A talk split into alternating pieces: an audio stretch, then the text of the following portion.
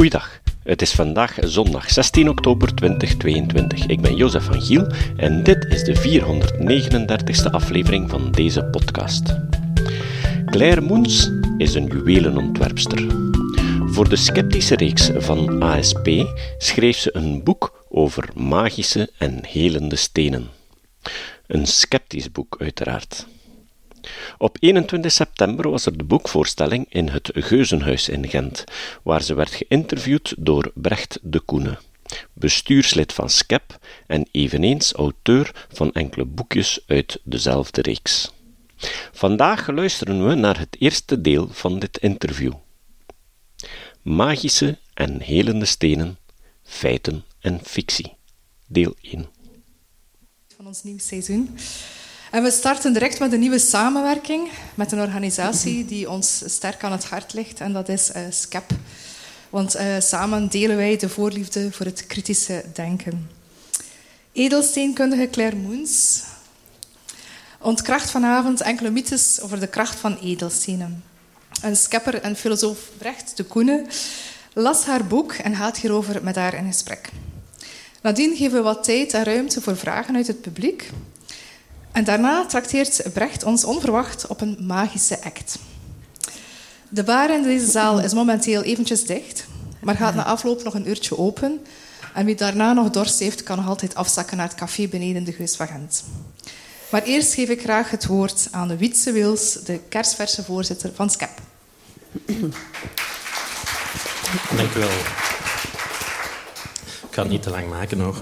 Um, dag iedereen, ik ben Witse, de voorzitter van SCEP inderdaad. SCEP onderzoekt beweringen die volgens de huidige stand van de wetenschap het zij bijzonder onwaarschijnlijk, het zij onmogelijk zijn. Dat klinkt een beetje uh, pedant uh, en academisch, maar bijvoorbeeld gaat dat over zaken als homeopathie, bepaalde complottheorieën, creationisme enzovoort. Dus ja, je hebt een aantal subgenres, maar daarbinnen zijn er eigenlijk oneindig veel zaken. Ik denk dat de laatste jaren ons hebben geleerd dat dat zeer actueel kan zijn en niet zomaar wat spielerij voor mensen die, die tijd te veel hebben, maar dat dat ook heel erg kan inspelen op de actualiteit. Nu dacht zelfs ik ehm, dat dat voor edelstenen al wat minder het geval was. Ik dacht, ja, edelstenen, dat steek je uh, in een ketting of in een ring, misschien heel af en toe nog eens in een tand. Maar uh, er blijkt ja, dat er ook bekende mensen zijn die dat nog in allerlei andere holtes uh, steken, die daar niet per se toe, uh, op voorzien zijn. misschien daarover straks meer. maar ook dat er allerlei claims gedaan worden rond ehm, die edelstenen. En wat maakt nu een pseudowetenschap? Een pseudowetenschap zal niet zeggen dat is zo omdat ik het zeg of omdat mijn leraar heeft het van zijn leraar, maar daar komt een uitleg bij. En nu, dus zelfs nog niet zo lang geleden, stond er in een uh, bekende krant een interview met uh, een dame, geloof ik, die niet alleen edelstenen verkoopt, maar die ook boeken verkoopt over edelstenen verkopen. Uh, en daar dan een ganse uitleg over fysica en de trillingen van die edelstenen is enfin, te zot om los te lopen. Dus het gaat om een miljardenindustrie, dus het is niet meer dan passend dat Claire als juweelontwerpster en edelsteelkundige die even kort toelicht. Dus ik ga Claire en Bericht het woord geven.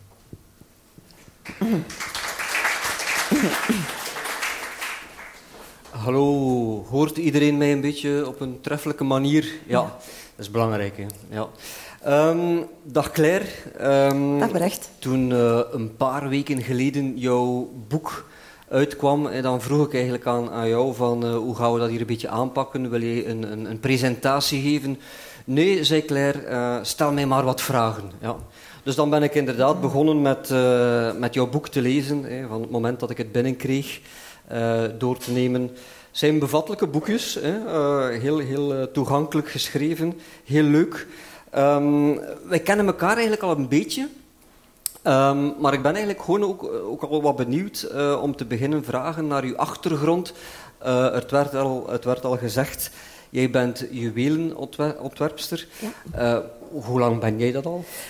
Uh, ik ben nu al meer dan 25 jaar zelfstandig. Ik heb al meer dan 25 jaar mijn eigen label, mijn eigen collectie van juwelen. En um, ja, ik promoot mijn werk eigenlijk via beurzen en tentoonstellingen. Kom ik in contact met heel veel mensen. En de vraag die ik vroeger nooit kreeg, maar de laatste tien jaar meer en meer, is: wat is daar nu aan, aan die helende kristallen? Is daar nu iets van? En uh, die vraag kwam heel veel frequenter. Uh, als ik daarop antwoord, ja, daar is geen wetenschappelijk bewijs voor, dan kreeg ik soms wel zo'n beetje een irritant antwoord van, ja, jij staat daar niet voor open, jij bekijkt dat wetenschappelijk, je hebt oogkleppen op. En soms is het al eens gebeurd dat iemand heel boos tegen mij zegt van ik ga weg, want ik ga mij niet laten besmetten door uw negatieve energie. Uh, het, het, het, is van een, het is echt een, een geloof beginnen te worden. Ja. En, maar nog eventjes terug, ja. dus het is al 25 jaar dat je ja. juwelen uh, um, verkoopt en, ja. en dus ontwerpt. Je zal daar waarschijnlijk een opleiding voor gevolgd hebben. Uh, wat houdt dat allemaal in? Zitten daar ook vakken in rond scheikunde? Nee, nee. ik heb dus uh, mijn opleiding voor juweelontwerp gevolgd aan de academies van Antwerpen en Sint-Niklaas. Daarna heb ik een postgraduaat gestudeerd aan de Hoge Raad voor Diamant in, in Antwerpen. En dat is, een, dat, zijn, dat is een opleiding voor chemoloog en dat houdt eigenlijk in alle kleuredelstenen en diamant. Dus ik ben daarnaast ook nog diamantair. Ah. Uh, wat, wat is onze opleiding eigenlijk voor chemoloog? Dat is het determineren van een geslepen edelsteen. Dus u, uh, een klant geeft mij bijvoorbeeld een rode edelsteen en ik moet dan onderzoeken, is het een rode granaat, is het een, een spinel, is het een robijn? En dat kan je dus doen door de fysische eigenschappen van die edelsteen te onderzoeken. En dan met zo'n vergrootglas kan je dat dan ja, ja maar, maar, dat is al één, één ding, zaak. Dus met, met een loep kijken of met een microscoop kijken, wat voor soort insluitsels dat er eventueel in zitten. Maar het is ook bijvoorbeeld uh, soortelijk gewicht berekenen, de, de lichtbreking, hoe hard is de steen, uh, het spectrum van de steen, al die zaken. Uh, al die opsomming van die zaken laat u toe om een steen te determineren. Ja. Of het dan... Uh, uh, want een robijn heeft een ander soortelijk gewicht en een andere lichtbreking dan bijvoorbeeld een rode granaat. Dus wat wij, mijn opleiding eigenlijk inhoudt, is eigenlijk het maken van een certificaat voor een klant om te zeggen van ja, jouw edelsteen is dat en dat en dat. Uh, en dan kan je daar ook een kwaliteitswaarde op plakken. Ja. ja. En dus je doet dat al 25 jaar, hè, dat je in, aanraking komt met mensen die geïnteresseerd zijn om dat te kopen voor, als, als sieraad en zo. Um, maar heb je daar eigenlijk, je zei het daarnet al, ik, word steeds vaker geconfronteerd met de vraag of dat er daar ook wel uh, bepaalde krachten of, of, magie van uitgaat, van die stenen. Heb jij het gevoel, het is natuurlijk subjectief, hè, bij u alleen, maar heb je het gevoel dat dat in golven uh, komt, die populariteit? Of, of, neemt dat toe of neemt dat af? Of? Het, het, neemt zeker toe. Vroeger werd daar niet over geschreven. En nu is het heel populair geworden door allerlei celebrities. En uh, influencers die daarover schrijven, zoals onze eigen Anouk Maton, die heeft onlangs een boek geschreven daarover. Wie is Anouk Maton? Anouk Maton is een DJ en de vrouw van uh, Dimitri Vegas, als ik me niet vergis. Ah. En, en zij heeft daar een boek over geschreven, waar dat zij dus ook allerlei beweringen doet zonder weerlegging. En uh, dat boek op zich is, is een mooi boek. Het is uitgegeven door Lano. Het is een harde kaft. Het is met hele mooie foto's, een prachtige layout. Dus dat boek is, is met de bedoeling geschreven en gedrukt dat we er veel, dat om veel te verkopen. Dus het is wat, wat vroeger een, een marginaal gegeven was, dus bijvoorbeeld een overblijfsel van de hippie-tijd, uh, dat, dat uh, ja, had je zo'n stoffige winkeltjes en daar, als je daar binnenkwam, okay, werd al misselijk van de wierook. Uh, en van, maar daar verkochten ze dus edelstenen en in die kringen werd dan nog over gesproken. Dus die, die dat en die, die kristal geneest dat. Maar dat was zo'n overblijfsel van de hippie-tijd. Maar met de revival van de New Age uh, is, zijn allerlei alternatieve geneeswijzen heel populair geworden. Onder andere ook de, de helende kristallen. En, en uh, wat nu opvalt is, het is hip en trendy. Als je naar die winkeltjes nu gaat, dat is niet meer oud en stoffig in, in, een, in een ver straatje ergens in een uithoek van de stad. Nee, dat is op, op populaire plaatsen. Weet je hoe dat, dat komt, dat dat hip en trendy, dat dat zo een, een, in een nieuwe jas zit? dat is een goede vraag. Ehm, ik denk dat, dat veel mensen op zoek zijn naar zingeving. Er wordt minder naar de kerk gegaan. Ehm, het is populair bij de middenklasse en ik denk dat dat, ik ben daar niet zeker van, maar dat dat ook komt omdat er een, ja, mensen gaan niet meer naar de kerk, maar hebben wel behoefte, spirituele behoefte om zaken op te vullen. En dan, daar, eh, New Age geeft daar wel een antwoord op. Een, een andere reden, denk ik, is ook dat ehm, de mensen eigenlijk niet meer stilstaan wat de wetenschap en de geneeskunde ons heeft gebracht. Mensen hebben blijkbaar een kort geheugen. Uh, um, eigenlijk is de geneeskunde een beetje slachtoffer van haar eigen succes. Want uh, ja, enkele generaties geleden, ik heb daar ooit nog met mijn overgrootmoeder over gesproken, had je bijvoorbeeld heel veel kindersterftes.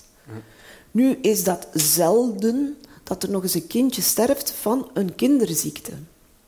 En ik denk, omdat daar nu de laatste generaties niet meer mee geconfronteerd worden, dat ze dat serieus onderschatten wat dat is. Ja, als je inderdaad op, op kerkhoven staat met nog een graf vanuit de jaren 1800, zie je dat ja, de helft van de kinderen onder de vijf jaar stierf. Ja. Uh, dus dat is inderdaad wel, wel waar wat je zegt. Um, in, het, in het begin van je boek, eigenlijk op de eerste bladzijde, schrijf je dus over die populariteit uh, die de laatste jaren enorm toeneemt. En dat het uitgroeit tot een, een, een miljardenindustrie.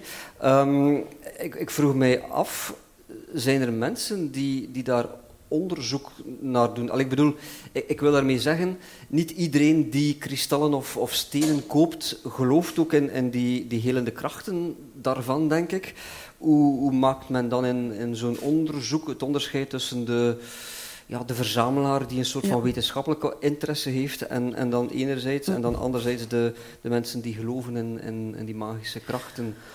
Uh, ik, ik denk uh, wat je nu ook ziet hè, op, bepaalde beurzen en vakbeurzen, is dat er nu een ander soort van klant rondloopt op die beurzen.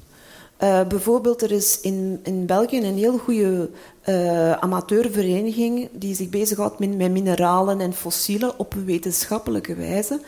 En die organiseren ook elk jaar een verzamelbeurs. Vroeger zagen zij daar eigenlijk alleen andere amateurs of mensen die gepassioneerd zijn door, door het verzamelen van uh, uh, mineralen en, en, edelstenen en ook fossielen.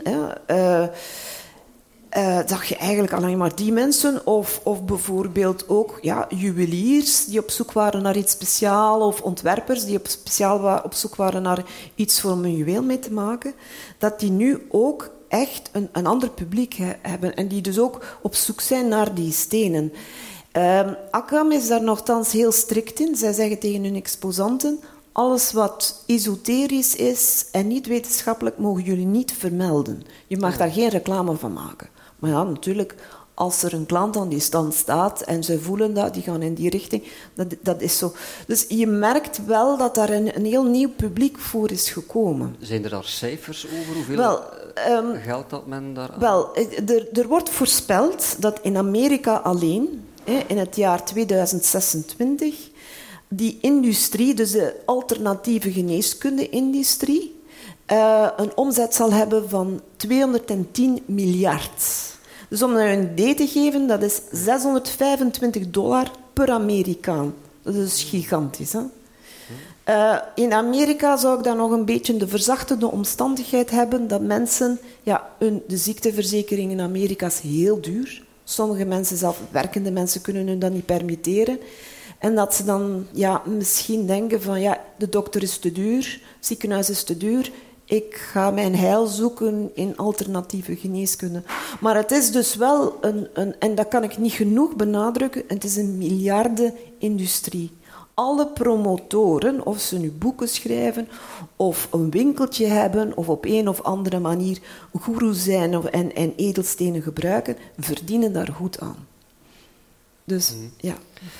Um, je haalde het zelf ook al een beetje aan dat, uh, ja, dat het misschien vroeger wat meer een marginaal verschijnsel was. Ik dacht dat eigenlijk ook tot ik uh, jou, jouw boek las. Um, ja, moest ik eigenlijk een beetje terugdenken aan, aan uh, ervaringen uit het verleden. Hè. Toen ik puber was, als ik 16 jaar was, ergens in de jaren 90, hè, voelde je wat leeg en wat verward. En, en mijn, mijn, moeder was daar ook nogal gevoelig aan en die had mij inderdaad ook eens meegenomen naar zo'n een dame die met, met allerlei stenen en kristallen bezig was. Um, en die vertelde mij bijvoorbeeld ja, dat er een, een dame was die zo'n een, een steen rond haar uh, nek lang gedragen had. En dat alle energie, dat ze zoveel energie uit die, uh, uit die steen had uh, getrokken, hè, omdat ze ook zo veel nood had aan, aan die energie, dat die steen gewoon rond haar nek kapot sprong of zoiets. Hè. Dus, dus, dat zijn zo dingen van mij vanuit een, een, ver, een ver verleden. Um, maar inderdaad, uh, blijkbaar is dat niet zo. Ik geef ook les en ik merk ook het laatste jaar veel meer dat er ook leerlingen, ook leerlingen van 16 of 17 jaar, daar graag over praten of daar, daarmee bezig zijn. Ja. Dus dat zijn niet enkel ja, middenklasse mensen of vrouwen van, van 40, 50, maar, maar ook jongeren blijkbaar. Dus ik moet dat eigenlijk ook zelf vaststellen dat uh, die aandacht of die interesse um, aan het vergroten is. En dan, dan kwam ik zelfs Eric Adams, de burgemeester van New York, tegen. Mhm.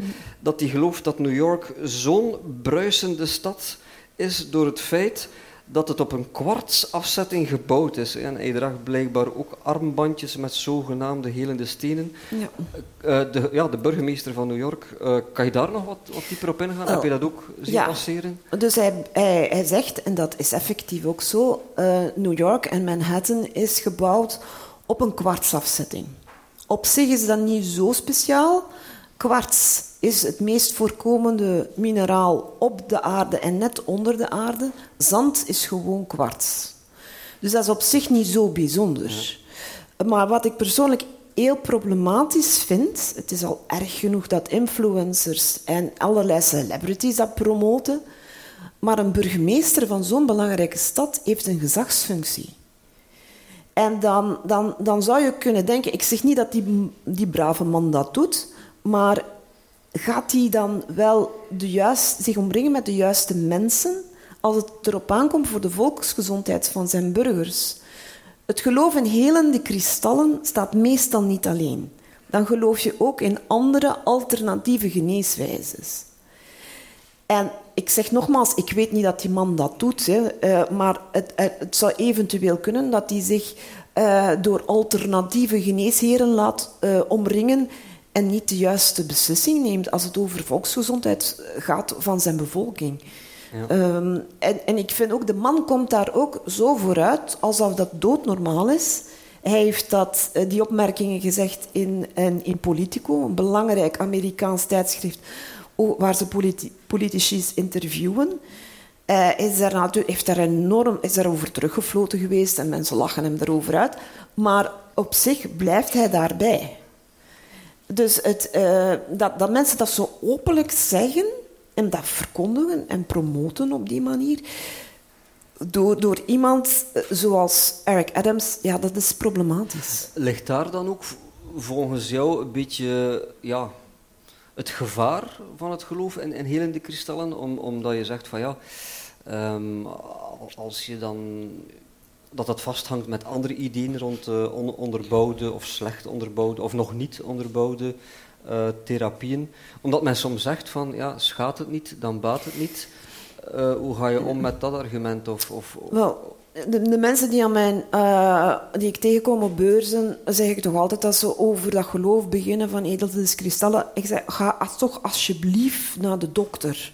Ja, zeggen de meesten, zeggen dan, ja, ja, wel, maar wij beschouwen dat als aanvullend dan is dat nog niet zo erg. Maar in, in, in, in sommige gevallen, hè, stel voor iemand heeft buikpijn of ergens onbestemde pijn en zegt, ah, ik ga nu die kristal erop leggen en dat zal mij dan wel genezen. Die, die loopt daar een paar maanden verder mee. Ah, dat werkt niet, het zal niet de goede kristal zijn, ik probeer iets anders. Zo gaat er heel veel kostbare tijd verloren. Als hij dan niet of te laat naar de dokter gaat, dan kan het ook te laat zijn. Dan kun je in een stadium zitten dat, je niet meer kan verhelpen of dat, je nog een zwaardere ingreep moet doen of zo. Ja, ja. dus dat, dat is eventueel wel mogelijk. Maar zeggen die believers niet dat ze wel wetenschappelijk onder, eh, ja, bewijs Ja. hebben voor de werking van magische en helende Ja. stenen? Of doen ze daar niet zoveel moeite voor om dat te bewijzen? Er zijn eigenlijk twee soorten eh, van believers. Je hebt de believers die resoluut alles wat wetenschap is verwerpen, met het mantra alles wat natuurlijk is, is beter. Ehm, en de natuur moet mij helen, ik moet mij helen, mijn lichaam moet zichzelf helen. En daar, wetens- geneeskunde kan daar niks aan doen. Je hebt ook mensen die dus de wetenschappelijke principes maar eh, gebruiken of misbruiken of maar half begrijpen. die bepaalde wetenschappelijke wetten gebruiken en dat verkeerd interpreteren. Eh, bijvoorbeeld, ze spreken altijd over kristallen die, die, die, die, die eh, eh, hebben een bepaalde energie. Daar komt een energie uit. Nu ja, energie in de wetenschap is heel gemakkelijk te meten. Maar kristallen hebben geen energie. Die stralen geen energie uit. Dat kan je niet meten. Tenzij natuurlijk dat het radioactief is, maar daar gaat het niet over. Eh, maar, maar dus is er al wetenschappelijk... Zijn er wetenschappers die zich bezighouden eh op een echt wetenschappelijke manier met de, met de beweringen van mensen die daarin geloven? Ja, dus op, op een echte klinische studie, zoals een wetenschappelijke studie moet zijn, er zijn er niet veel, maar ehm, het bekendste onderzoek is dat van eh, professor ehm, Christopher French, Ah, ja. een, een professor filosofie, en zijn team hebben dat gedaan zoals dat moet. Dus met, met, ehm, met een groep mensen, ze op voorhand zeggen van ja, u gaat een kristal krijgen, we zouden graag hebben dat gemediteerd, en de gewaarwordingen van die kristallen beschrijft achteraf. Dus ze werden geïnformeerd van dat je, je zou die en die sensaties kunnen voelen. Nu, de ene groep kreeg een echte kwartskristal en de andere kreeg een glazen kristal, dus een, een nama-kristal. En wat bleek dus achteraf? Dat eh, de beide groepen dezelfde sensaties zo gezegd hebben gevoeld. Eh, dus de conclusie eigenlijk was dat ja, kristallen geen niks doen, maar dat je natuurlijk wel het placebo-effect hebt. Ja. Nee, maar voor alle, voor alle duidelijkheid, placebo-effect dat werkt maar eventjes, maar dat gaat geen kanker genezen. Dus, dat is, dus eh, buiten het placebo-effect is daar eigenlijk niks wetenschappelijk aan. Ja. ja, dat was eigenlijk de vraag dat ik ook wou dan stellen. Is van, eh, als je nu een, een, een experiment of een onderzoeksopstelling zou moeten bedenken om dat eh, na te gaan, of dat werkt of niet, hoe, de- hoe doe je dat dan? Maar inderdaad, je Ja, kan op net die manier. kristallen geven en, Ja. en je deelt de groepen in. Zij weten niet van, Ja. van zichzelf of van elkaar in welke Ja. groep dat ze zitten, de placebo of de... En dan kun je nagaan eh, ja, wat hun ervaringen zijn en Ja, optekenen. Ja. ja. Ah ja, en Christopher French dat je vermeldde, dus die Ja. met zijn team. Ik weet dat hij onderzoek deed naar hypnose en naar Ja. andere paranormale ervaringen.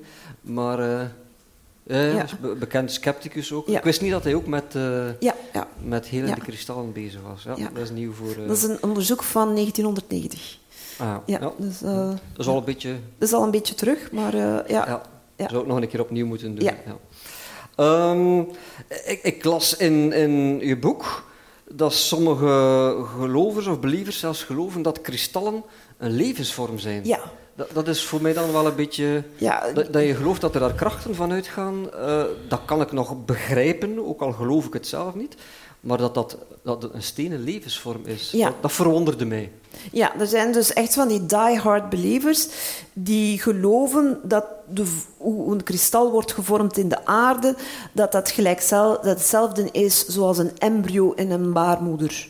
Dat dat ook groeit en, enzovoort. En, en dat dat de oudste levende wezens op aarde zijn en die er eigenlijk zijn om de mens eh, terug te gidsen naar een goed leven en ons te komen redden van al onze zonden of, of eh, wat dan ook.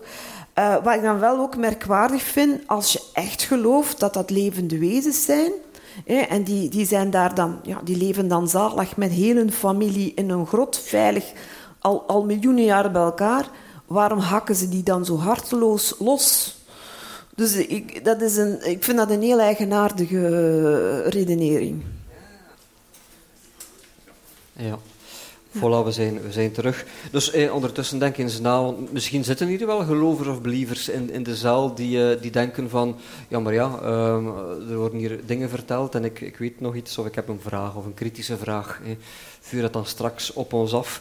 Ehm, sowieso wil ik dan straks vragen, hou het kort, eh, steek geen betoog af.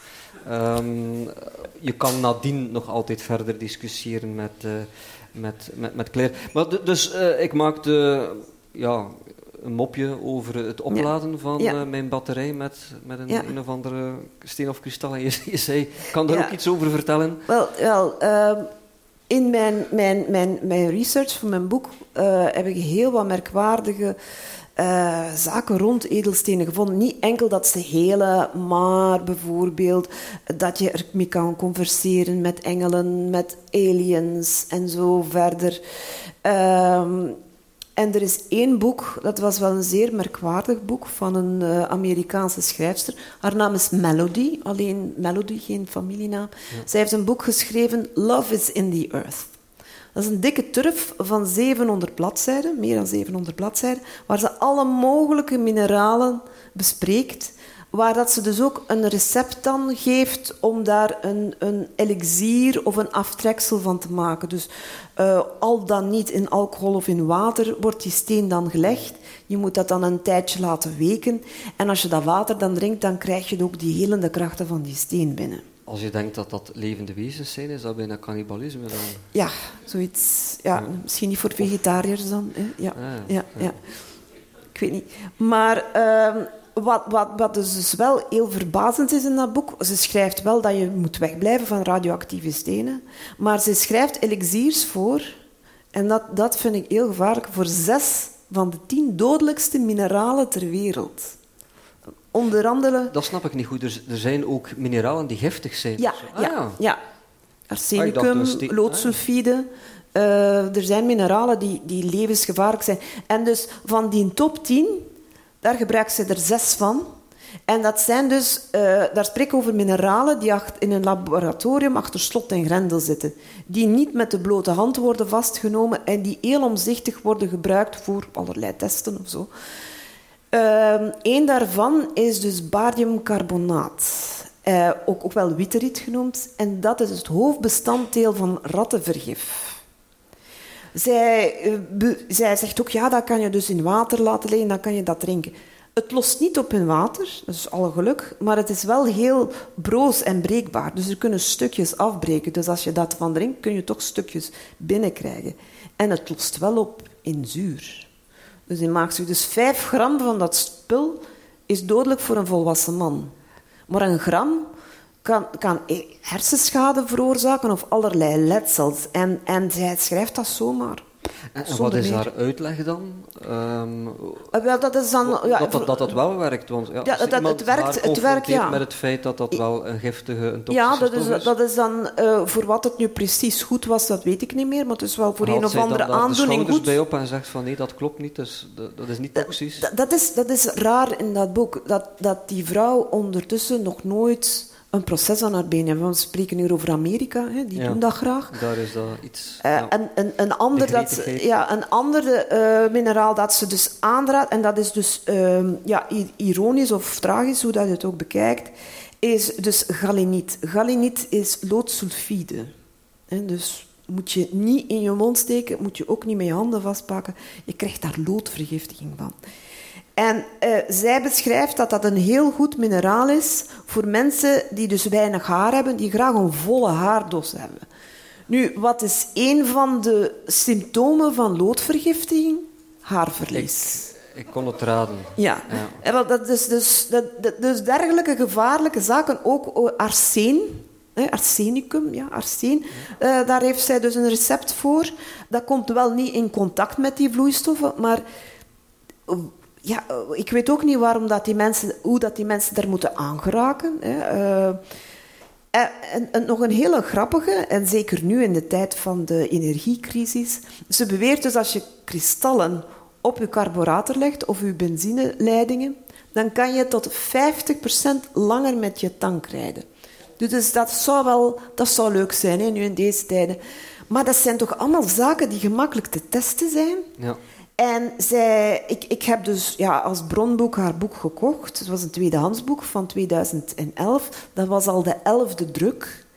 En uh, als ik dus zo op die websites ga van, van boekenverkopers en ik lees de commentaren, dat is allemaal superlatieven van ah, een eye-opener, you're an angel, a must-have book, uh, uh, must have book a Bible of, of, of, of weet ik veel. Daar is, dat zijn allemaal superlatieven en ze vinden haar boek geweldig. En daar staat eigenlijk zo goed als geen kritisch noot op. Er is niemand die daar een kritische opmerking over geeft. Ja. Wat, dat is eigenlijk wel de twee zaken dat ik daar zo wat uithaal uit, uit uw verhaal. Eén, er zijn een aantal uitspraken die eenvoudig weerlegbaar zouden kunnen zijn, eh, met het opzetten van een, een eenvoudig experiment zelfs. En dat naast eh, baat het niet, dan schaadt het niet. Ik bedoel, dat het soms wel echt schaadt. Ja. Dat is eigenlijk een, tweede argument waarom dat het... Um... Dus dat, dat, is, dat is levensgevaarlijk als, als je dus die, die, die, met die spullen... En, en ja, dat is dan door, door mensen die ook niet weten hoe dat ze die mineralen moeten vastnemen of behandelen. Of, of lopen daar kinderen rond die dat per ongeluk in een mondje steken.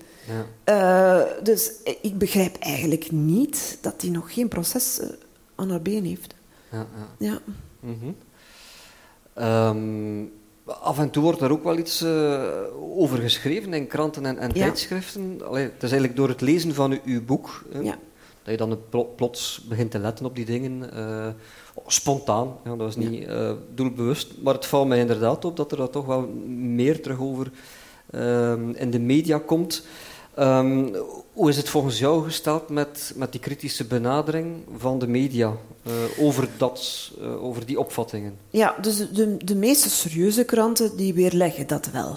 Alhoewel, je hebt dus uh, van enkele weken terug het laatste nieuws. Het was natuurlijk wel een lifestyle artikel, waar dus ze eigenlijk zonder weerwoord of, of kritische opmerking een vrouw aan het woord laten die dus een winkeltje heeft in, in edelkristallen uh, en kristallen en, enzovoort.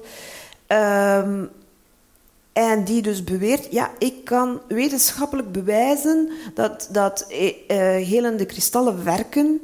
En het is, het is niet zomaar een placebo-effect. Ja. Um, en daar heeft die journaliste ook niet minste moeite voor gedaan. Ze heeft wel hier en daar het woord zou gebruikt. Maar ja daar lees je over eigenlijk.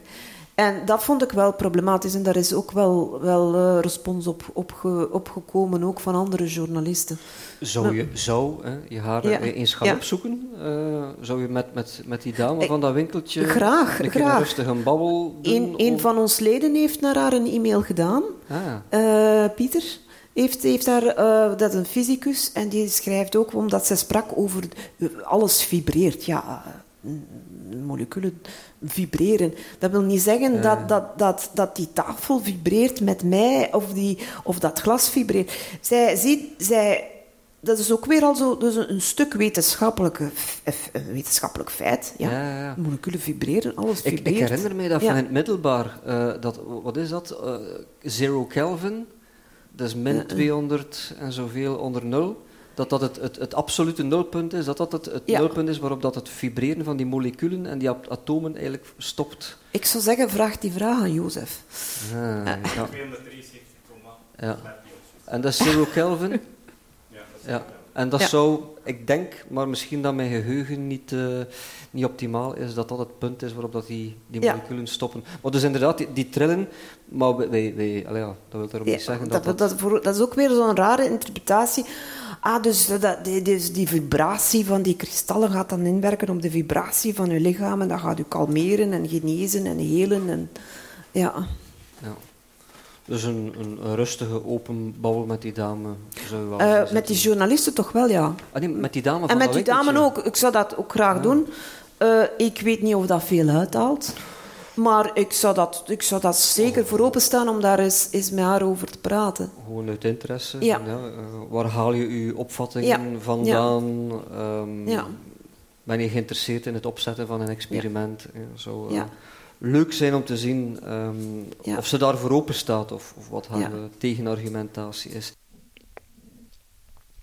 Volgende keer horen we wat Claire denkt over het moraal van mensen die levende stenen uit hun habitat halen. Het citaat. Het citaat van vandaag komt van Adam Grant. In zijn boek Originals schreef Grant: Minderheidsstandpunten zijn belangrijk, niet omdat ze de neiging hebben om te zegevieren, maar omdat ze divergentie in aandacht en denken stimuleren. Tot de volgende keer. Dit was de podcast Kritisch Denken. Vergeet niet om alles kritisch te behandelen, ook deze podcast. Voor verdere informatie over deze podcast, links en voor de tekst, surf naar www.kritischdenken.info. Als je deze podcast belangrijk vindt, kun je me steunen door anderen warm te maken ook eens te luisteren. Stuur een e-mail naar vrienden met een link naar de website en plaats de link in de handtekening van je e-mails. Tevens kun je op iTunes deze podcast een beoordeling geven of een recensie schrijven.